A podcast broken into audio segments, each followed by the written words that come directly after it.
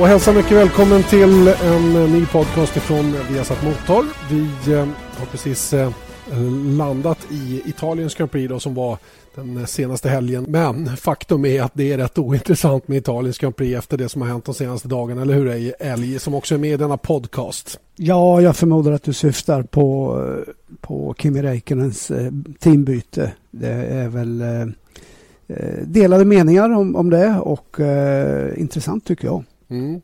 Eh, vi tar det från början. Det var ju så att i förrgår kväll så var det ju så att eh, Felipe Massa då gick ut med, hade fått eh, fått den förmånen, eller vad ska jag kalla det då, eller i alla fall den möjligheten av Ferrari att själv få meddela att han inte kommer att köra för Ferrari 2014 och gick ut med det i ett eh, Instagram-meddelande tror jag, eller Twitter eller vad det nu var som nådde då den stora församlade massan av människor. Och eh, då, då började man ju ana vartåt det barkade så att säga. Men, men i ärlighetens namn, nej, vi har väl ändå varit ganska säkra på att det här skulle ske. Eh, efter i alla fall de senaste tre, fyra, fem dagarna. Det blev så pass starkt till slut det här ryktet med Kimi till Ferrari att det gick liksom inte att bortse ifrån.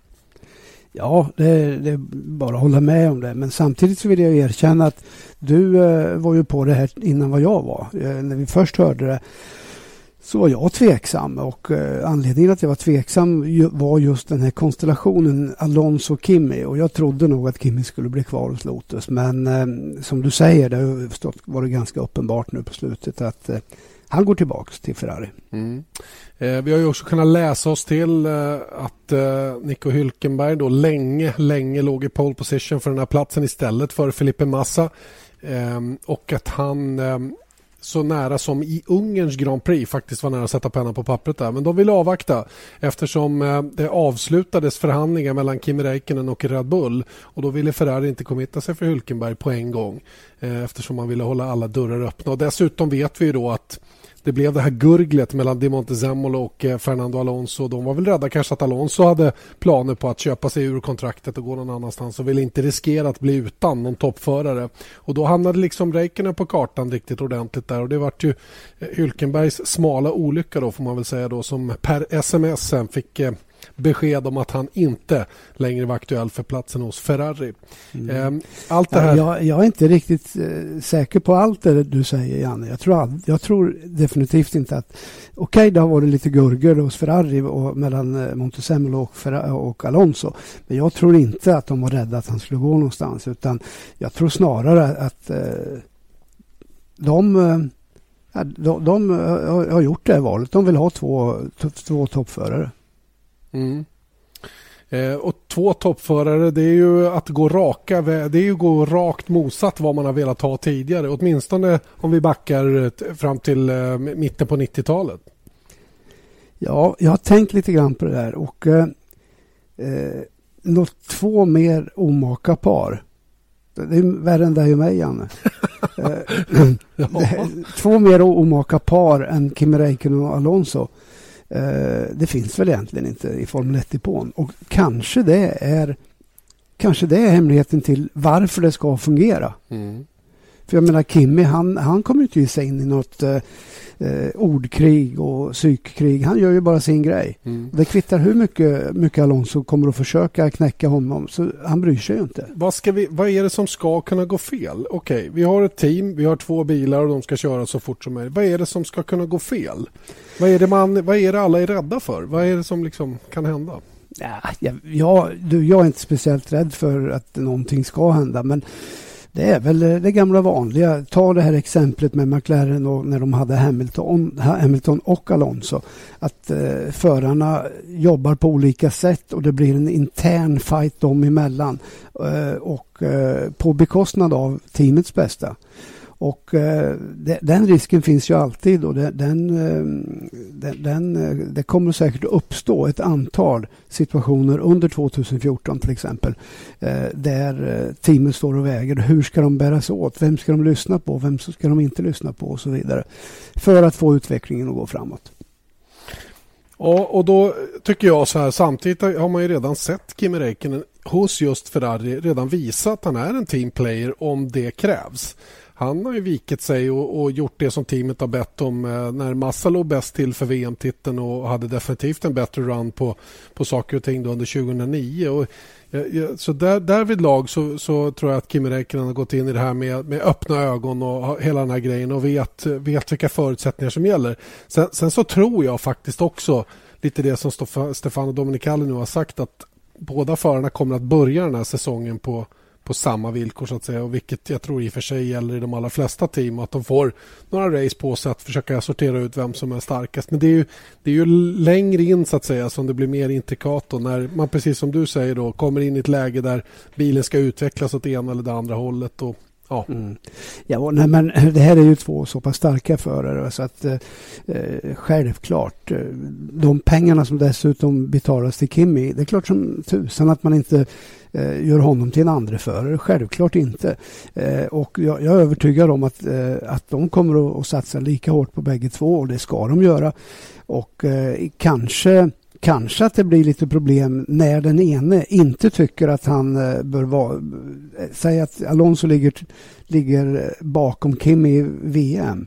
Mm. Och det blir en situation där man ber Alonso hjälpa Kimi. Det är då problemen kan dyka upp mm. naturligtvis. Mm. Men eh, ja, jag, jag, tror att de här två är så pass proffsiga. Är det, någon, är det någon som kommer att få problem så tror jag att det är Alonso och det, jag tror att det var Eh, kanske det som var den största anledningen till att jag tvekade länge på att eh, Alonso skulle gå till Ferrari. Dels därför att Kimi själv är medveten om vilken stark eh, stark eh, position Alonso har hos Ferrari. Och dessutom så tror jag att han är medveten om också att Alonso är nog inte särskilt förtjust. Oavsett vad han säger så är han inte förtjust att få Kimi där utan han hade hellre velat haft Massa till exempel eller någon, någon som eh, teamet direkt kunde eh, bestämma att du är nummer två. Mm. Det gör det ju naturligtvis mycket enklare för en sån som Fernando Alonso att ha en klockren tvåa så att säga då. För då, då slipper han den argumentationen och det syns ju tydligt. Jag menar, han har dubbelt så mycket poäng som Felipe Massa just nu i årets mästerskap. Och det, är ingen, det är ingen tvekan om vem av de två som är starkast. Det kommer att bli tuffare, det kommer att bli jämnare nästa år med Kimi Räikkönen hos Ferrari. Mm. Eh, det jag känner kanske är, eh, är mer alltså ett större frågetecken. För alla tror ju att det här kommer att gå som tågen nu. Två, två superförare i samma team, bla bla bla. Och hela den grejen. Men, men Ferrari har ju haft en superförare i alla fall i teamet ganska länge nu och fortfarande ännu inte tagit några titlar. Det är ju ingen garanti för att det kommer att bli VM-titlar bara för att de här två kör nej, ihop. Nej, nej, absolut inte. Absolut inte. Eh, det är ju alltid frågan om att man måste ju måste ju se till med hjälp av förarna att ha, uh, ha ett så bra material som man kan slåss om VM. Och, uh, och uh, sen måste ju teamet, strukturen på, på hela teamet och eh, sättet man jobbar på eh, kanske förbättras en del hos Ferrari.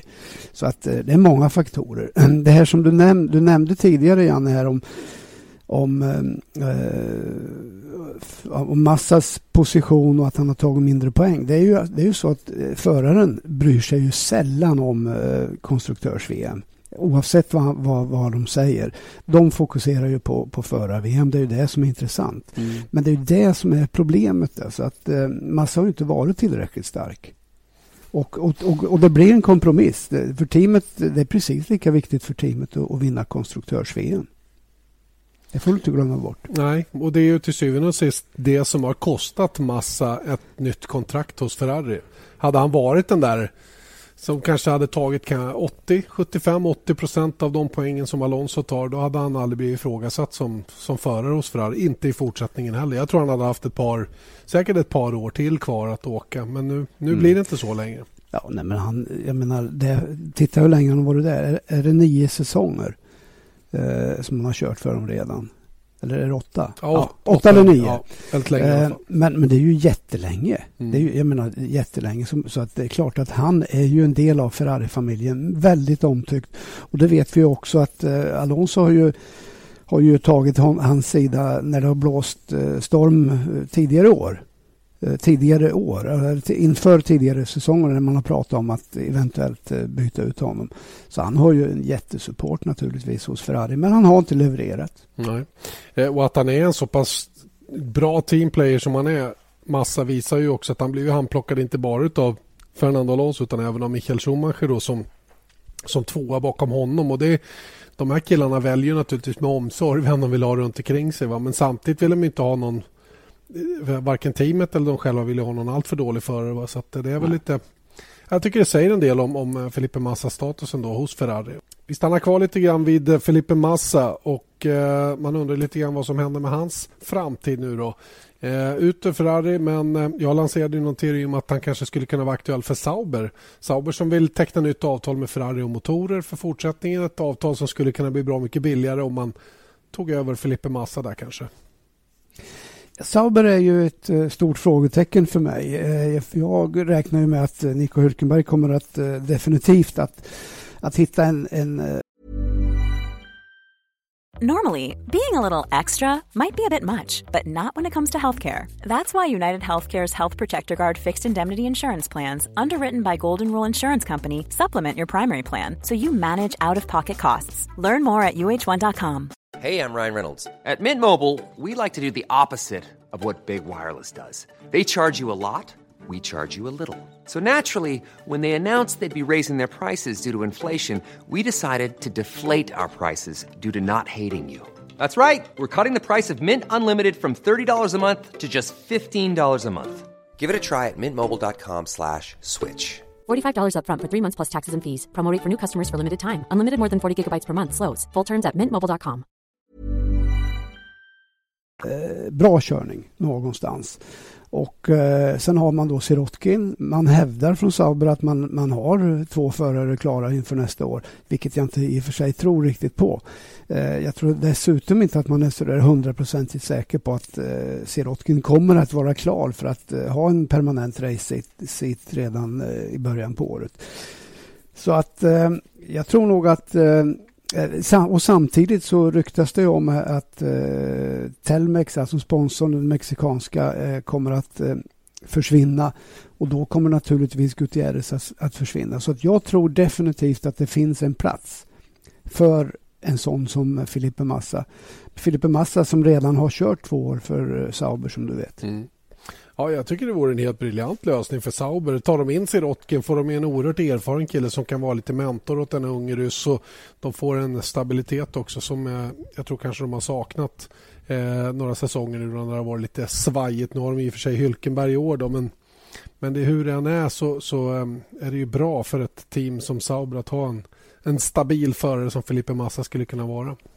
Ja, definitivt. Och eh, jag tror dessutom att han var väldigt populär de, de åren han körde för dem tidigare. Så att eh, det låter som ett bra alternativ. Ja, jag hänger gärna kvar vid eh, det här med Fernando Alonso och Kimi Räikkönen tillsammans hos Ferrari nästkommande säsong. Det är ju en, en hisnande tanke och jag har kallat det för Dream Team och det får man väl ändå säga att det är. Frågan är om man så himla många gånger under en livstid får se en uppställning som är på det här viset. Vad tror du?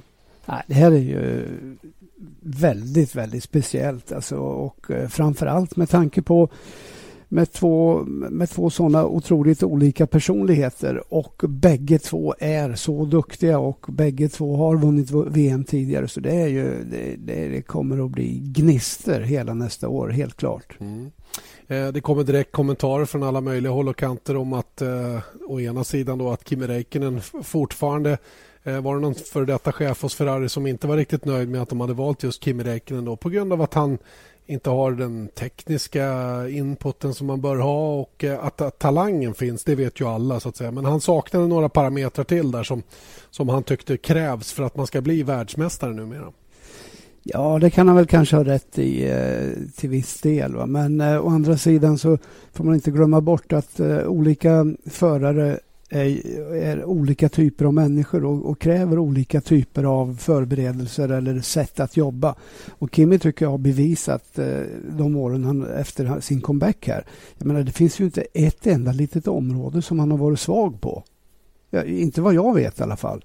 Eh, sen kan inte jag yttra mig naturligtvis om hur han är att, eh, hur han jobbar med ingenjörer och eh, att driva eh, utvecklingen framåt. Och om inte jag missminner mig så var det ett av argumenten när, man, när han i praktiken fick sparken ifrån Ferrari Eh, att eh, det var ett argument man, ändå, man använde i alla fall. Att han hade svårt att kommunicera på ett konstruktivt sätt med ingenjörerna.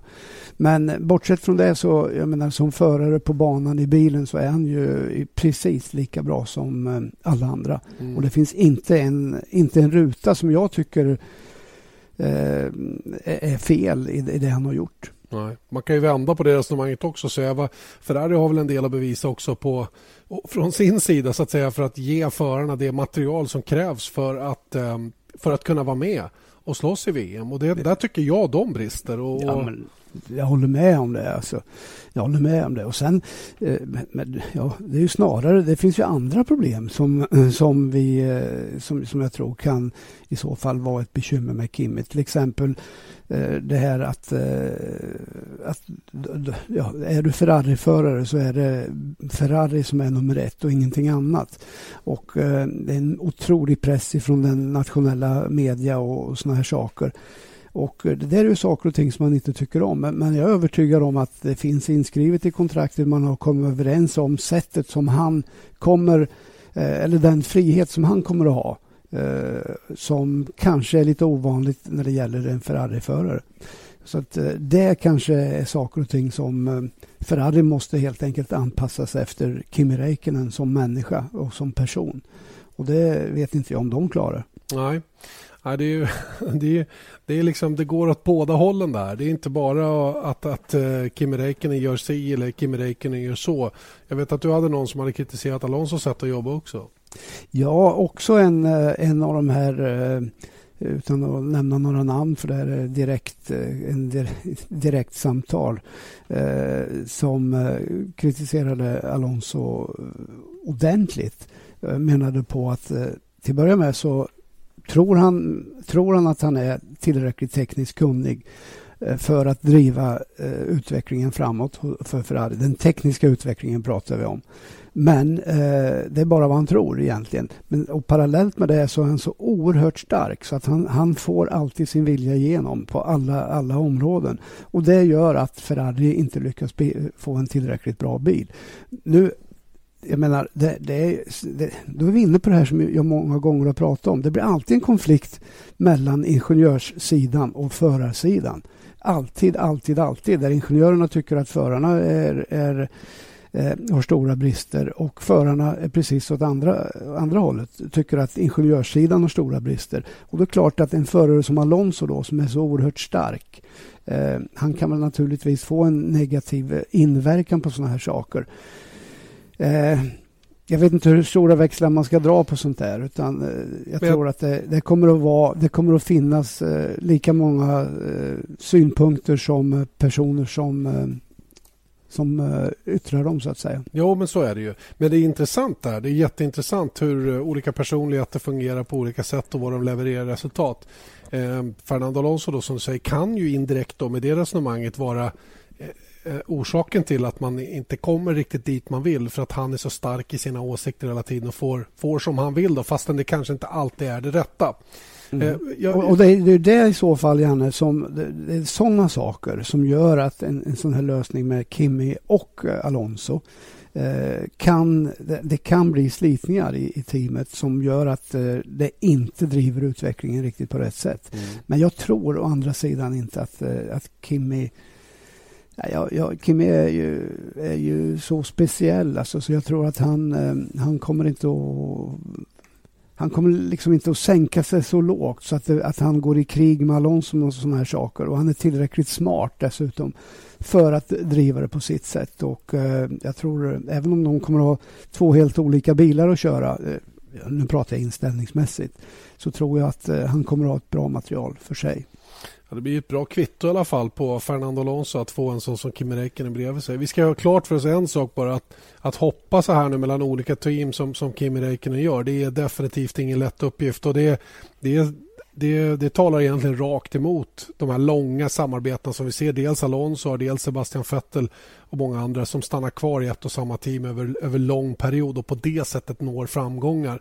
Eh, Kimi har ju till att börja med haft två år han har varit ledig. Han har kört två år i Lotus nu och efter de här två åren då med mycket surr runt omkring honom så tar han nu steget över till Ferrari. Hur lång den sessionen blir det vet vi inte ännu va? men åtminstone nästkommande säsong. Och det här är ju ingenting, det, det är hela tiden starta om på nytt va? och det är ju ganska stora det är en ganska stor grej, det vet ju du bättre än jag, men att, att komma till ett nytt team det är ju en, uppfattar jag det som en ganska komplicerad historia ändå. Att liksom börja om och hitta rytmen och hitta sättet att jobba och hela den grejen. Mm, jo, men det tror jag. Men jag... jag eh, samma sak där. Alltså jag, jag pratar bara fördelar. För, fördel Kimi Räikkönen här. Men jag, eh, hans personlighet, eh, återigen, eh, gör att jag tror att han eh, kanske anpassar sig lättare till ett nytt team och, och eh, det här med att byta team som, som du beskriver som ett problem.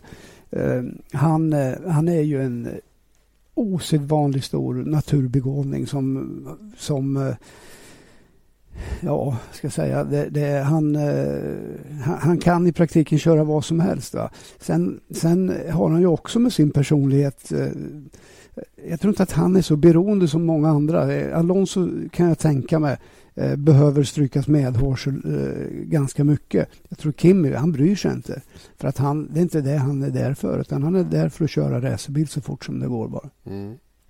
Ja, och sen eh, tänker jag då när man jämför till exempel de här två kisarna då som kommer att hamna i Ferrari nästa år då. Sen har vi eh, Sebastian Vettel då i Red Bull. Sebastian Vettel, det, det, det, det intressanta är ju, jag förstår ju varför folk buar åt honom på prispallen för att till exempel incidenter som den som inträffade i Malaysia som han kommer att få ha med sig hela tiden. och Det var vi inne på redan då. att Han skaffade sig inga nya vänner genom att göra så men, men han visar vilken vinnarskalle han är. Men i övrigt så gör ju Vettel sällan några utspel. Han har sällan några synpunkter. Han, han kör sin bil. Jag, mm. jag tycker inte han, han är inte kontroversiell för fem öre egentligen. Nej, det är han verkligen inte. Eller hur? Jag menar, nej, nej, nej. Och han, det, och det är ja, det är en speciell... Han jobbar ju på sitt sätt i ja, det tysta, så att säga. Du får inte glömma bort, vet du, Janne, och, och Eh, det var länge sedan vi pratade om det. Va? Men oavsett vad man säger eh, och, eller vad som sägs och, och så vidare. Så att eh, han, är, han är och har alltid varit Red Bulls guldgosse. Från det att han började i Formula BMW Eh, tills eh, han är nu när han är på väg att vinna sitt fjärde VM. Han har ju en otroligt stark support och eh, han, han, han behöver inte göra mer än vad han gör egentligen. Han fokuserar på att köra sin bil så fort som det går. Och, eh, bryr sig inte så mycket om eh, annat. Och, eh. Selling a little or a lot? Shopify helps you do your thing however you cha-ching. Shopify is the global commerce platform that helps you sell at every stage of your business. From the launch your online shop stage to the first real life store stage, all the way to the did we just hit a million orders stage. Shopify is there to help you grow. Shopify helps you turn browsers into buyers with the internet's best converting checkout. 36% better on average compared to other leading commerce platforms because businesses that grow grow with Shopify. Get a $1 per month trial period at shopify.com/work. shopify.com/work. Sen tar han sig vissa friheter då och då som till exempel i Malaysia. Men vad är det som skiljer ett sånt sätt att vara då jämfört med Kimi Räikkönen då, som också gör samma sak? Han kör sin bil och, och låter det vara liksom. Ja, men lite annorlunda är de ju för att eh, du har ju också märkt att eh, media har ju betydligt lättare att, eh, att få igång Fettel, eh, om du förstår vad jag menar, och, få honom att, säga kanske lite tokiga saker som skapar eh, kanske vissa gånger en negativ bild av, av honom. Eh, en sån som Kim, han, han svarar ju inte om han inte vill. Tycker han att det är en dum fråga, då skiter han i att svara. Mm. Punkt slut. Vilket normalt sett uppfatta, gör att man kan uppfatta som oförskämd och lite... Absolut. Men han kommer undan med det. Han gör ju det, men det, det, är för att han har ju aldrig varit på något annat sätt. Utan han, han, eh, han bryr sig inte. Utan ni får säga vad, vad ni vill. Så här tycker jag. Punkt kanske, slut om, om jag får göra någon form av amatöranalys av de två så är väl, känns ju, är kanske Kimi Räikkönen mer ärlig än vad Vettel gör. Så att säga. Mera, det finns ett bra uttryck på engelska som är honest. Han är mer honest, vilket betyder ärlig i och för sig. Då. Men det jag tror är olika betydelser i sig. att Kimi är mer ärlig för han är verkligen sig själv. Vettel kanske spelar en roll lite mer då i, i sitt offentliga arbete ut mot oss i media och, och där han syns mm. och hörs så att säga. Och Det är väl en skillnad de två ja. emellan. Då. Där Kimi är tror jag, likadan oavsett om man är, Men. sitter framför mig på Monza eller om man sitter hemma med polarna mm. Eh, och, och ja, vad han nu gör. Men om vi tittar på det som händer på banan, Janne, så eh, Kimi har ju också varit ung, var också varit nybörjare i Formel 1. Men har du någonsin sett honom göra någonting liknande? Typ det som hände i, i ehm, inte Budapest, i eh, Istanbul med, eh, med Sebastian, med, med Mark Webber. Nej.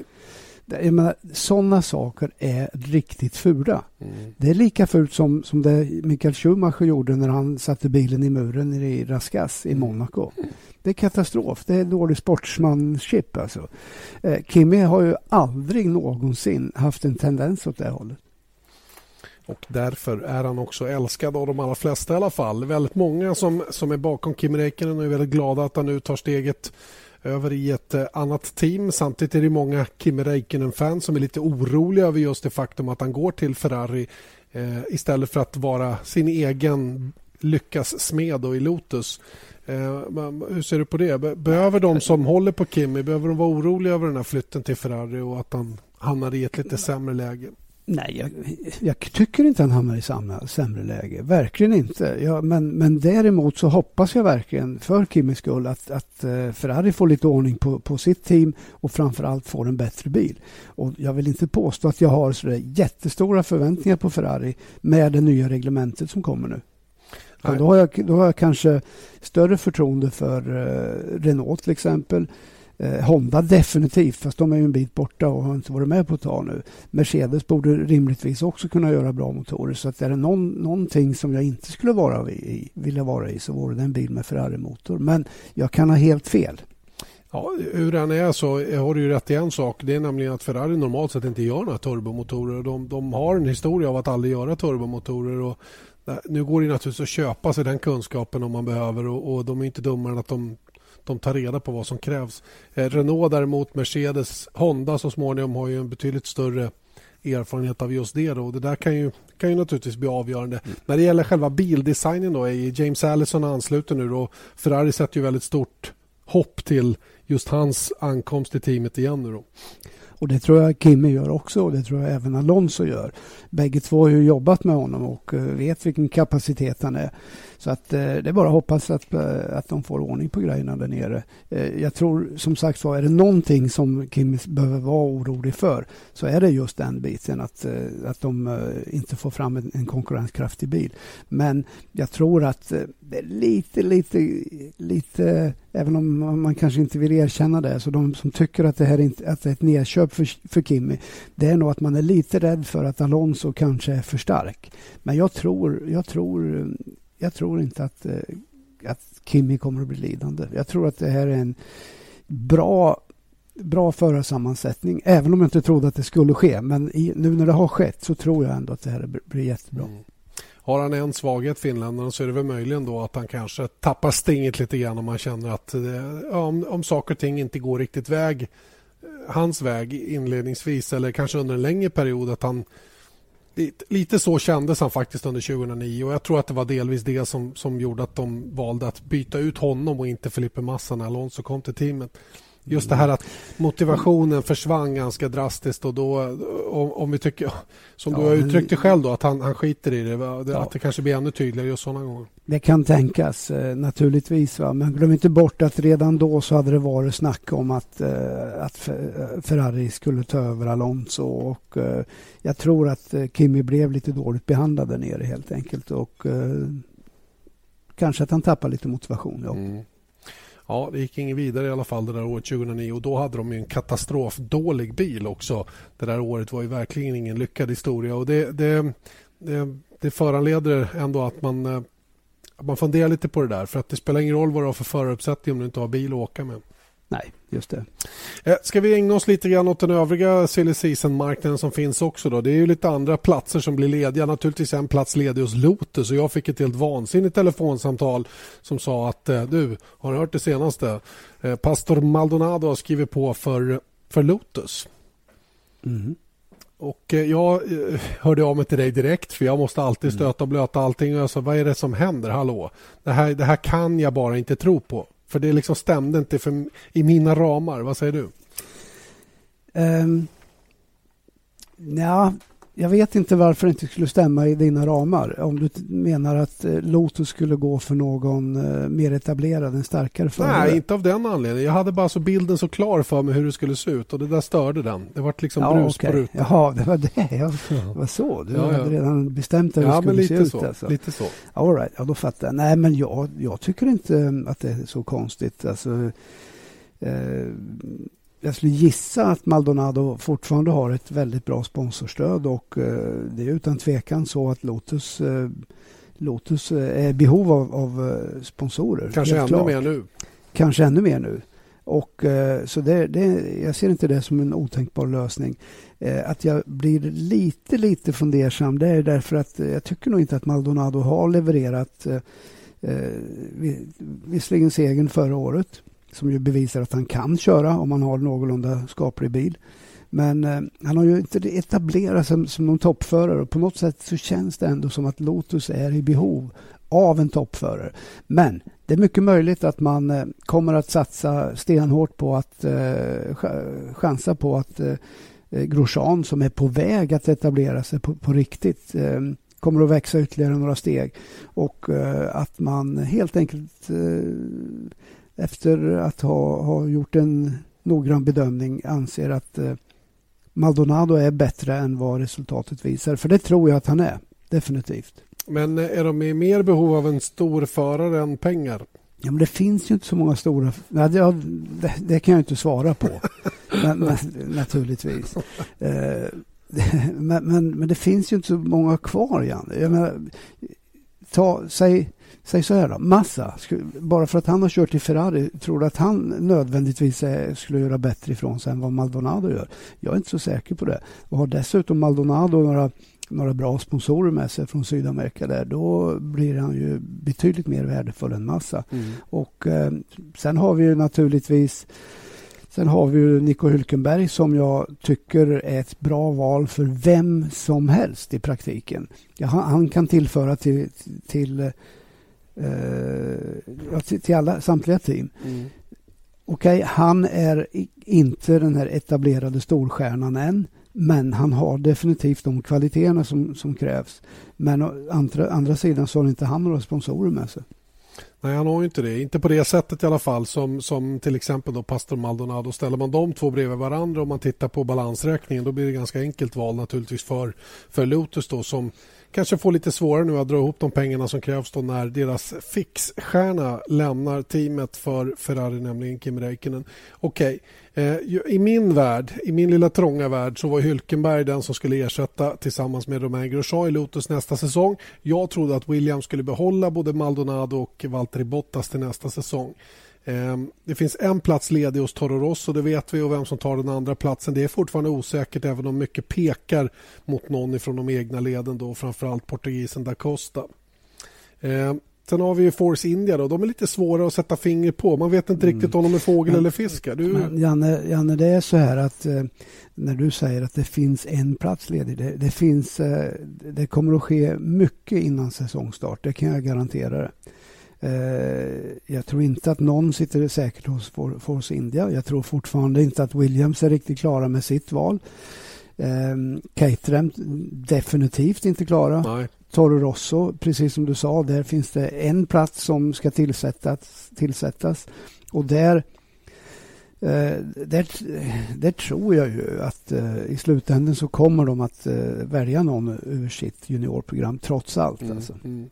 Ja, det är mycket som pekar för det i alla fall. Och jag menar, de, de, de har ju jobbat så tidigare och de, de har jobbat så nu även med platsen i Red Bull. Eh, Marussia då behåller väl sannolikt eh, Jules Bianchi skulle jag tänka mig då med kopplingen till Ferrari och hans koppling till Ferrari och motorer mm. i Marussia. Men, men, eh, men, om det fattas folk hos Sauber då? Ja, det är ju det som är den stora Var, frågan. Varför inte Bianchi? Ja, det skulle kunna vara ett steg upp för honom då. Men, men jag tror ju... Ja, Ja, ja, inte vet jag. Inte jag, jag heller. Ja, Det, var, det var Ferrari som, som såg till att Massa hamnade hos, hos Sauber en, en gång för länge sedan. Mm. Eh, nu med Ferrari-motorer och eh, hela den biten så, och, och dessutom Eh, med vetskapen om att eh, Sauber är ett av de team som har sämst ekonomi av alla. Haft jätteproblem att betala motorräkningen i år och eh, det lär ju inte bli billigare nästa år. Nej. Nej, det är också en tänkbar möjlighet förstås. Men vi kan väl konstatera att både platserna i Marussia och Caterham de är till salu kort och gott. Eh, Visst är det så. Eh, ja, men det, det, det, gäller i stort sett alla, alla platser bortsett från toppteamen idag att eh, på ett eller annat sätt är de till salu. Men, men det betyder ju inte att vem som helst, helst kan köpa sig in i det. Nej. Så du tror alltså på en hel del förändringar under de här höstmånaderna, kanske ända fram till eh, slutet på december innan man bestämmer sig för vilka som ska köra var? Ja, det tror jag. Det tror jag definitivt. Och, eh, och att ekonomin då naturligtvis kommer att ha en stor påverkan på hur det kommer att se ut. Ja du, silly season. Det var någon som uttryckte det på min blogg att den är nästan mer spännande än själva förarmästerskapet. Det är, det är inte utan att man nästan håller med om det. Ja, men det, det är likadant varje år. Mer eller, mer eller mindre i alla fall. Mm. Alltså, nu, eh, det är alltid kul när det blir en sån här eh, grej som med Kimi Räikkönen i och med att han är den han är. Och, eh, så det, jag tycker att i år har varit kanske mer intressant än flera andra år. Mm. Eh, och eh, det återstår att se vad som kommer att hända. Vi lär ju få återkomma till det längre fram naturligtvis med de återstående platserna. Vad ska vi säga om Italiens Grand Prix? Då? Vi har knappt berört det. Det är ändå det som hände senast. Vi kom hem därifrån i måndags och eh, det var en eh, det var en bra tävling tycker jag, även om eh, Sebastian Vettel var alldeles för bra för, för motståndet så att säga och återigen bevisade att Red Bull inte behöver vara oroliga för de här högfartsbanorna längre. Men där bakom var det oerhört många bra insatser. Ja, visst var det det. Det, det är väl alltid så att det, det är roligare om, om fighterna är längst fram och att man slåss om, om segern, tycker jag personligen. Så därför tycker jag kanske att det blev lite avslaget. Men å andra sidan så fick vi bra, bra eh, racing längre ner och eh, så jag tycker man kan beteckna det som ett bra race. Fettel var ju, ja, om man skulle betygsätta honom så var det ju en tia. Ja. 10 av 10 så att säga. Han, han var med på redan från första varvet på fredagen och fick ett helt perfekt race. Och det är lite, lite avskrämmande med tanke på att poängövertaget börjar bli ganska stort nu. Ja, det blir det. Och um, nu kommer man till Singapore då och det är riktigt svårt att veta vem... Jag menar att, att Red Bull kommer att vara med där också, det är väl ingen tvekan. Va? Men de här två banorna, Spa och Monza, det har ju tidigare varit Red Bulls skräck och där åker de ifrån med 50 poäng. Det är ju helt sjukt egentligen. Mm. Jo, men visst är det det. Det är, det är ju imponerande. Ehm, och, eh, och sen måste man väl ändå säga att Fettel Vettel Fettel växer i mina ögon för varje gång. Eh, han, han, eh, tycker jag bara blir starkare och starkare. För att eh, glöm inte bort att Mark Webber sitter i en likadan bil. Okej, nu är han på väg bort från Formel 1 och så vidare. Så det kanske fattas lite motivation. Men ja, han, nej, Vettel är, är ruskigt stark. Men det, vi såg även på Monza andra bra prestationer. Alonso tycker jag gjorde ett av sina bättre race på länge mycket, mycket aggressivt och eh, bra. Jag tycker dessutom jag tyckte det var lite konstigt när han ville stanna kvar ute eh, längre än vad teamet egentligen ville.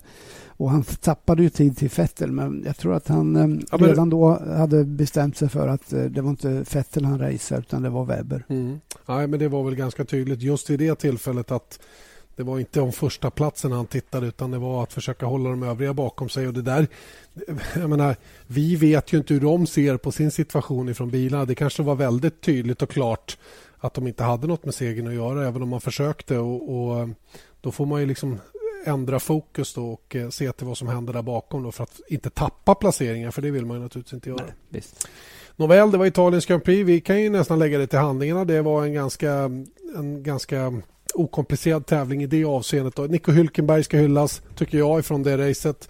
Eh, från tredje startruta behöll han eh, en plats topp fem. Och de varvtiderna som Hülkenberg gjorde imponerar storligen på mig. Han var alltså med sitt snabbaste varv snabbare än både Vettel och Alonso. Även om de två säkert hade lite marginal så är det ändå oerhört bra. För Hülkenberg var pressad rakt genom hela det här racet och, och var tvungen att leverera sådana tider. Och det gjorde han sannoliken på ett bra sätt. Glöm inte att Perez var, var tvåa året innan i, i Sauber. Så att, eh, det är väl så att helt enkelt att Sauber funkar väldigt bra där. Men jag tycker ändå att eh, precis som du säger, Nico Hülkenberg gjorde ett fantastiskt race för att eh, det var ett tufft race för honom. Men han, eh, han, han, är, han är riktigt, riktigt bra. Det är bara att konstatera. Mm. Ricciardo, en annan kille som eh, vi måste framhålla. Som, eh, det känns på något sätt som att eh, det här nya ansvaret som han nu kommer att ha ganska snart eh, när han klättrar upp ett steg till Red Bull-teamet. Det känns nästan som att han redan har växt in i det, så att säga riktigt, riktigt bra tävling på Monza. Ja, visst. Vilken boost för honom själv. Han sa ju också det att det, det, var viktigt för honom att göra ett bra resultat direkt efter den här påskriften på kontraktet då med Red Bull framöver.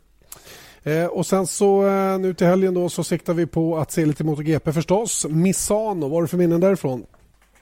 Att jag inte kvalade in i Formel 2 första gången jag var där. Usch, det var inte roligt. Och att Alex Ribeiro, min eh, Eh, mycket, mycket religiös, sa han i alla fall. För det stod Jesus saves på, på alla hans bilar jämt.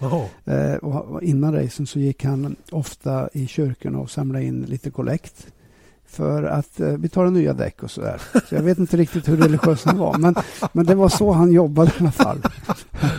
eh, han eh, var dessutom riktigt snabb, eh, var med i toppen där, men eh, där hade han ungefär samma problem som jag hade. Och Det slutade med att det sista han gjorde så bad han sin en legendarisk mekaniker som vi kallade Wayne the Pain. Wayne hette han i förnamn. Eccles, Wayne, vad hette han? Ja. Ja, jag kommer inte ihåg, men, ja. men eh, han bad i alla fall att han skulle byta chassi, mm. byta monokock mellan, mellan eh, fredagen och lördagen. Okay. Och det där gillade inte Wayne. Så Wayne sprang säkert runt i fem timmar och talade om för, för, alla andra vilken idiot Alex var innan han började jobba. Men till slut så jobbade han hela natten och dagen på så hade Alex en, ny, ny, en bil med nytt chassi, men han kvalade inte in. Och kanske, han, lite kanske han bad sin meck att fara åt helvete istället. Nej, de orden vet jag inte om han använder. Missa, då åkte ni åt andra hållet än vad MotoGP gör. De åker ju ehm, vad blir det ja, De åker medsols. Ni åkte motsols ni. Ja, det gjorde vi. Mm. Det stämmer bra det. Det stämmer bra. Den, det, och banan är betydligt längre nu dessutom. Just. Varför? Men eh, framförallt var det ett trevligt ställe eh, alldeles utanför Rimini. Det, det var ett sånt där race som alla såg fram emot. Mm. Och varmt och skönt väder var det alltid där. Så det var, och, när, bra. och nära upp till San Marino också. Om man inte varit i San Marino ska man åka upp dit. Det är himla häftigt att vara där uppe på berget. Och Det är också San Marinos Grand Prix som man kör på Misano nu i helgen. Det är alltså MotoGP. Och mitt starkaste minne från det är när jag var på plats när Shoji Tomosawa eh, tyvärr omkom då i en allvarlig krasch på, på den här bakrakan. Det är som en liten snabb vinkelhöger och han tappade framhjulet och blev påkörd av två andra förare. Scott Redding vet jag var inblandad och någon till. Alex De Angelis tror jag. Det var i motor 2-klassen så det var en väldigt otäck historia som inträffade för mig när jag var där. Annars är det som sagt ganska trevligt där i Misano. MotoGP kommande helg, fredag, lördag, söndag alltså på Viasat Motor. Du och jag laddar ju för DTM. Du kommer in som lite eh, Uber-expert nu då och tar hand om bilar med tak över huvudet. Nej, jag vill inte påstå att jag är mer expert än vad Rickard är på standardbilar, Janne. Nu får du skärpa dig. Men jag har väl kanske, kanske lite mer erfarenhet med tanke på min ålder. Mm, det ska vara det, det, det, får vi väl spinna på då. Ja, vi, vi låtsas att det räcker för mm. att mm. eh, kvala ut Rickard. Rickard som är på andra uppdrag den här helgen och därmed så går det in och tar hand om det ifrån Orsesleben. Eh, börjar dra ihop sig även i tyska standardvagnsmästerskapet. Oschersleben där eh, Formel 3 inte finns på plats den här helgen. Det brukar ju vara Formel 3 och DTM tillsammans. Eh, Formel 3 har varit på Hockenheim och testat nu i två dagar. Jag pratade faktiskt med Felix Rosenqvist häromdagen och, eh, han var lite bekymrad över det som hände på Nürburgring. Tyckte det var konstigt att han inte riktigt kom in i... Hittade inte rytmen ordentligt och tappade en hel del poäng nu på Raffaele Marcello i sammandraget. Där. Men han kommer säkert tillbaka när de är tillbaka på Sandfort. Och där vet vi att Rosenqvist är väldigt, väldigt snabb. Han ju till exempel Masters där tidigare i år. Eh, Okej, okay, då finns det väl inte så himla mycket att tillägga. Eh, vi ber att få tacka för uppmärksamheten den här gången. Vi eh, kommer tillbaka nästa vecka med en ny podcast. Det kan vi lova. Och jag tror faktiskt att vi spelar in den nere i Singapore. Vad säger du? Det tycker jag. Solskenen, solskenet i Singapore. I, tänk vad du ska svettas igen. Ja, men hörru, tyckte du inte jag svettas tillräckligt i Italien? Men jag, ska, vet, jag ska köpa en sån liten handfläkt åt dig. Som du ska få. Den ska du få med i tv-sändningarna också. Stå och fläkta näsan. Eller. Det är kärlek. Ja. Vi, vi, tackar speciellt för det. Hör du, vi ses om en vecka. Det gör vi. Tack så länge säger nu Janne Blomqvist och Eike Elm.